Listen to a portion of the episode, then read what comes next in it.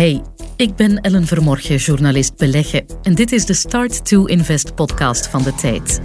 In tien korte afleveringen stoomt deze podcast je klaar om te starten met beleggen. Dit is aflevering 3. Wat heb ik nu eigenlijk nodig om te starten met beleggen?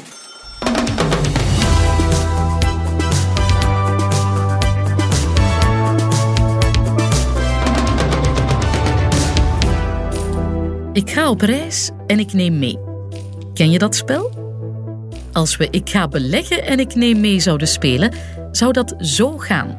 Toch volgens de collega's hier bij de tijd. Ik ga beleggen en ik neem mee. Geld. Hmm, een makelaar? Tijd. Informatie? Zelfkennis. Vijf dingen. Meer heb je niet nodig om succesvol te kunnen starten met beleggen. In deze aflevering van Start to Invest zullen we ze samen één voor één behandelen.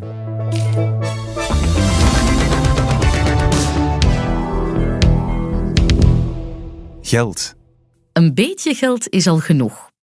In tegenstelling tot wat veel mensen denken, hoef je niet rijk te zijn om te beleggen. Maar het helpt natuurlijk wel.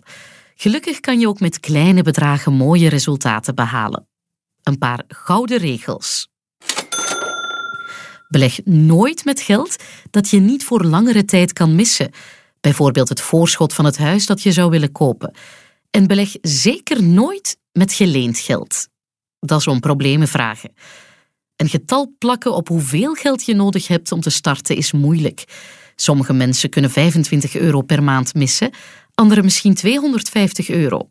Sommigen zullen misschien liever elk jaar hun eindejaarspremie beleggen. Het kan allemaal. Hoeveel geld je belegt is volledig jouw eigen keuze.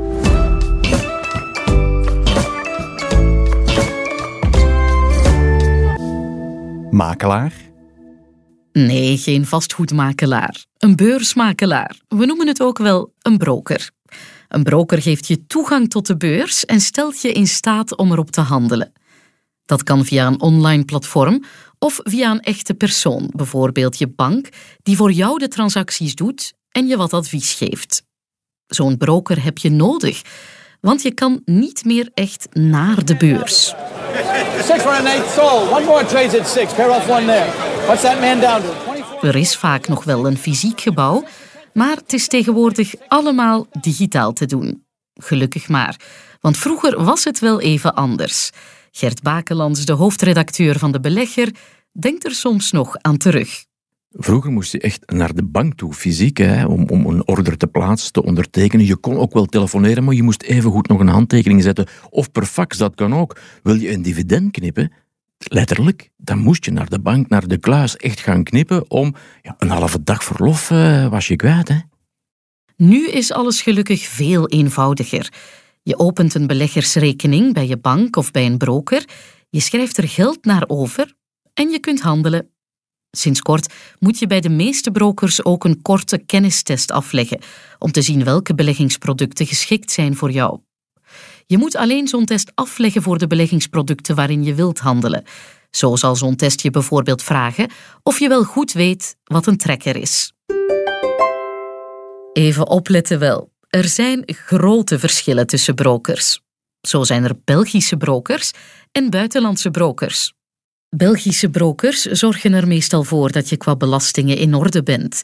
Bij buitenlandse brokers moet je doorgaans zelf aan de slag om bij de Belgische fiscus alles netjes aan te geven. Tenzij je moeder of vader een boekhouder is, denk je dus beter twee keer na. Er zijn ook prijsbrekers onder de brokers. Een broker rekent je een makelaarsloon aan per transactie die je doet. Sommigen, vooral banken, rekenen je ook een bewaarloon aan voor je beleggingsportefeuille. Maar er zijn dus ook prijsbrekers, brokers met erg voordelige tarieven. De meeste online brokers rekenen je geen bewaarloon aan en sommige hebben heel scherpe tarieven voor transacties. Laat je wel niet misleiden door te goedkope tarieven. Als iets te mooi lijkt om waar te zijn, is het dat meestal ook.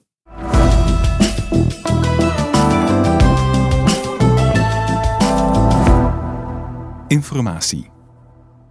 Wie blind vaart op de beurs, vaart zonder twijfel tegen een rots. Maar geen paniek. Door deze podcast te beluisteren ben je al goed op weg. Je zal natuurlijk wel meer informatie nodig hebben wanneer je echt begint te beleggen. Natuurlijk raad ik je aan om regelmatig de tijd te lezen. Of wat had je gedacht? Er zijn ook wekelijkse live chats. En op onze Marte Live pagina op tijd.be vind je elke beursdag live verslaggeving over wat er allemaal beweegt en vooral ook waarom. Ik zit vaak samen met mijn collega's Bas en Koen achter de knoppen van die Marte Live blog. Hier zijn ze even. Eerst Bas en dan Koen. Uh, nou, op de Markten Live blog, uh, daar uh, ja, brengen we eigenlijk het nieuws van de dag over de beurs. Hè. We beginnen eigenlijk al heel vroeg als de Aziatische beurzen open zijn. vaak begin ik om zes uur en, collega's ook. En dan gaan we door tot tien uur s'avonds. want dan sluit de Amerikaanse beurs Wall Street.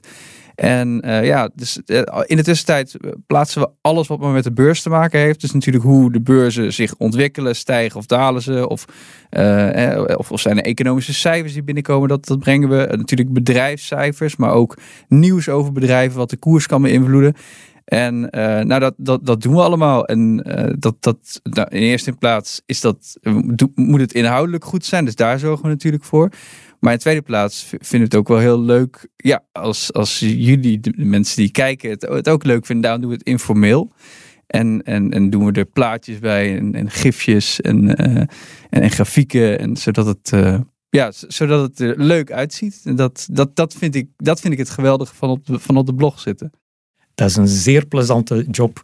Uh, omdat het stelkens nieuw is.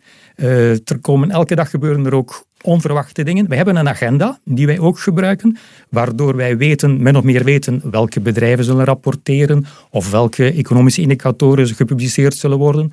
Maar heel vaak zijn er ook verrassingen. En uh, het is heel leuk om daarop in te spelen. En ja, wat de beurzen doen, een beurs kan hoger openen, maar drie uur later kan een beurs lager staan. Dus er, er gebeurt van alles de hele dag door. En ook in onze krant en op onze site vind je uitgebreide berichtgeving en analyses over wat er op de beurzen gebeurt.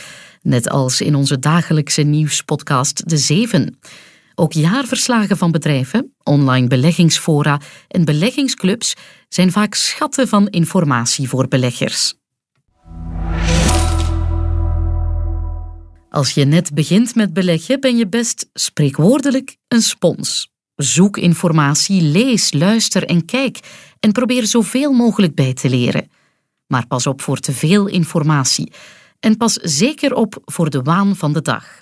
Maak je keuzes, blijf ze trouw en sla niet bij elk nieuwsfeit aan het twijfelen. Want beleggen is een long game. Daar gaan we het nu over hebben.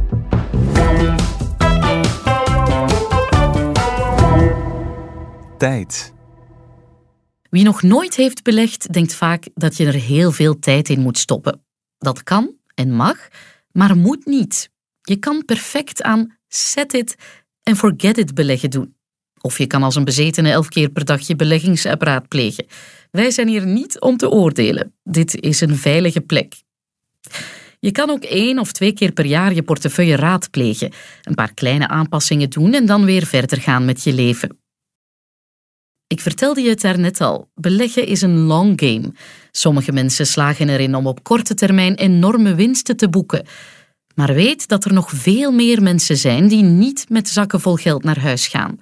Veel mensen ondervinden nog altijd dat het volgen van een duurzame lange termijnstrategie de meest zekere manier is om succesvol te beleggen.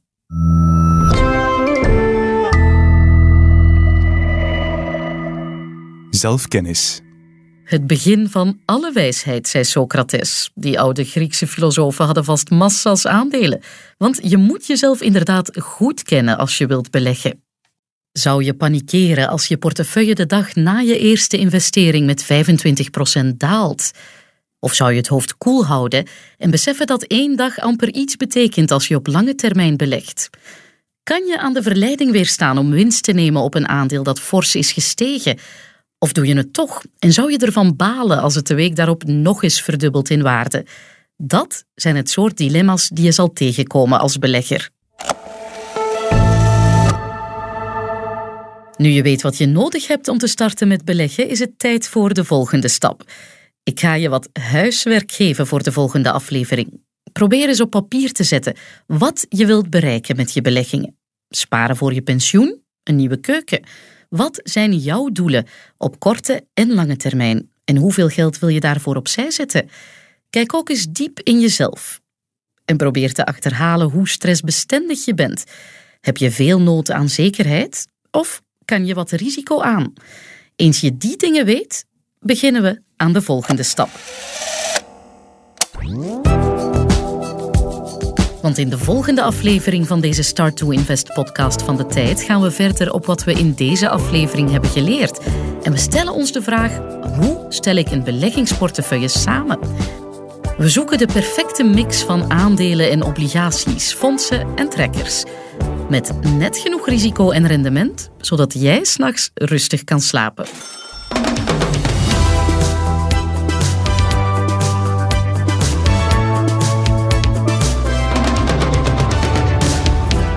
Hey, bedankt om te luisteren naar deze Start to Invest podcast van de tijd.